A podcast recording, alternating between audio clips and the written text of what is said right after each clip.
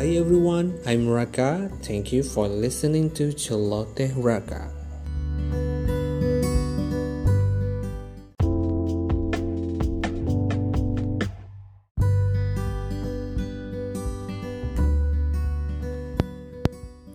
Hello, hello. This time I've got big question for you. Do you remember how you became a first reader? And do you remember your favorite books when you were at elementary school? To be honest, it's not easy for me to answer these questions. Hmm, let me think first. What I remember clearly is uh, I started read books right after I could read and understand words and sentences. I can't remember what the titles are, but I'm sure enough those were children books, children books, where you could find big letters or font and colorful illustration on every page. Does it recall something to you? How about my favorite books when I was at elementary school? Two titles that strongly influenced my reading habit Doraemon and Mallory Towers. How about you? Okay. Cukup ya berbahasa Inggrisnya. ngomong sendiri aja aku suka grogi, apalagi ngomong langsung di hadapan kamu gitu ya. Kali ini aku mau ngomongin masa-masa awal sebagai pembaca amatir nih. Kenapa sih aku sebut amatir? Karena waktu itu aku belum punya kebiasaan baca yang baik dan kuat.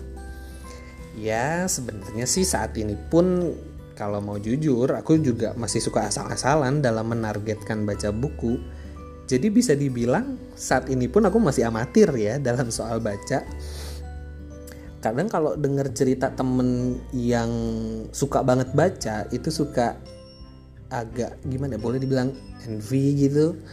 Uh, mereka bisa baca satu minggu satu buku satu minggu dua buku. Aku satu minggu aja bisa sebulan kali ya satu buku makanya aku punya beberapa trik supaya uh, bisa menyerap banyak buku gitu ya supaya buku yang dibaca lebih banyak dan uh, bisa dapat informasi dari buku tersebut tentunya lebih banyak dibandingkan hanya menunggu sampai saat selesai satu buku.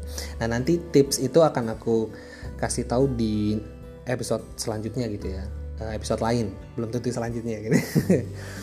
nah sekarang fokusnya adalah ngomongin waktu zaman SD itu kira-kira buku apa sih yang paling berpengaruh. Nah tadi dua udah aku sebutin Doraemon sama Melody Towers gitu ya sebenarnya aku udah suka dengan buku itu jauh sebelum aku bisa baca wah apa bagaimana bisa gitu ya?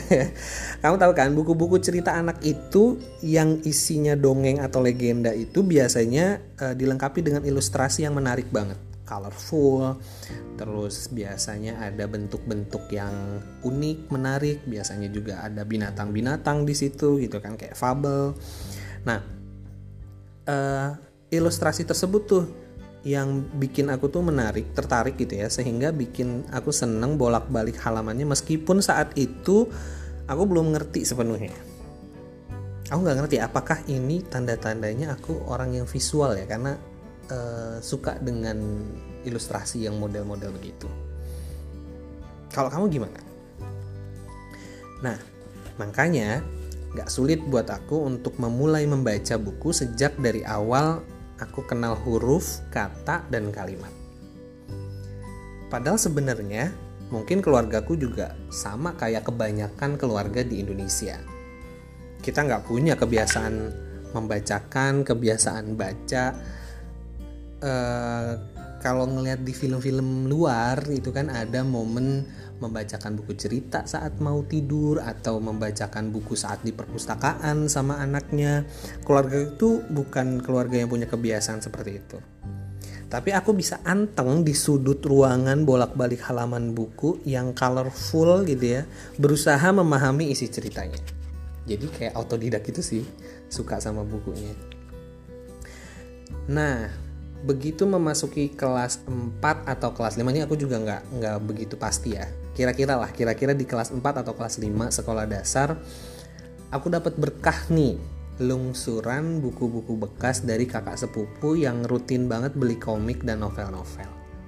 Nah di situlah uh, kenal dengan Doraemon gitu ya. Dulu uh, beli buku itu belum menjadi prioritas utama buat orang tuaku.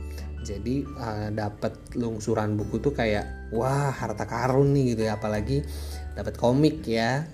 Nah yang paling aku ingat itu adalah komik Doraemon memang karyanya si Fujiko F. Fujio dan novel Mallory Towers. Mungkin nggak banyak yang tahu kali ya dengan novel Mallory Towers ini karena novel lama sekali dan uh, ini novel terjemahan ya karyanya si Enid Blyton dan ini bukan masterpiece-nya Enid Blyton si Mallory Towers. Walaupun cetaknya juga sudah sangat banyak. Jadi master menurut aku sih masterpiece-nya si Enid Blyton tuh ya yang kita tahu ya ada lima sekawan Sabta Siaga nah itu punyanya Enid Blyton semua. Serial uh, lima sekawan itu yang paling booming yang sampai saat ini pun kembali dicetak ulang cetak ulang cetak ulang. Nah ada serial juga si Mallory Towers nah ini juga karangannya si Enid Blyton. Nah, Doraemon dan Mallory Towers ini adalah serial yang akhirnya mengantarkan aku pada judul-judul buku yang lain ya. Untuk komik berawal dari Doraemon aku mulai baca Kobo-chan. Komik-komik yang setipe ya yang lucu yang pendek-pendek gitu kan. Atau Shinchan juga. Nah zaman dulu juga ada komik-komik yang uh, terbagi dua genre gitu loh. Selain Kobo-chan sama Doraemon. Doraemon ini nggak masuk genre ini. Jadi ada komik-komik serial seperti Doraemon, Kobo-chan, Shin-chan, terusnya. Ada komik-komik dengan genre serial cantik, terus kemudian serial misteri gitu, sampai Detektif Conan dan Kindaichi. Nah, itu uh, aku udah baca juga waktu di kelas 4, kelas 5. Nah, untuk novel sendiri, aku mulai baca karya-karya Enid Blyton yang lain selain Mallory Towers, gitu ya, seperti serialnya Lima Sekawan dan Sabta Siaga. Uh, nanti kapan-kapan aku akan coba review ulang gitu ya Melody Towers itu kayak gimana sih ceritanya dan uh, di lima sekawan juga seperti apa sih gitu ya. Untuk nge-review bukunya dia aja sebenarnya uh, menarik banget di si Enid Blyton ini uh, khas anak-anak gitu kan dan uh, khas daratan Inggris ya di sana gitu kan. Uh, apa tuh kebiasaan-kebiasaan kultur di sana tuh yang ke bawah yang akhirnya bikin menarik ternyata saat itu. Dan ringan banget cara cara membawakan ceritanya itu sangat ringan.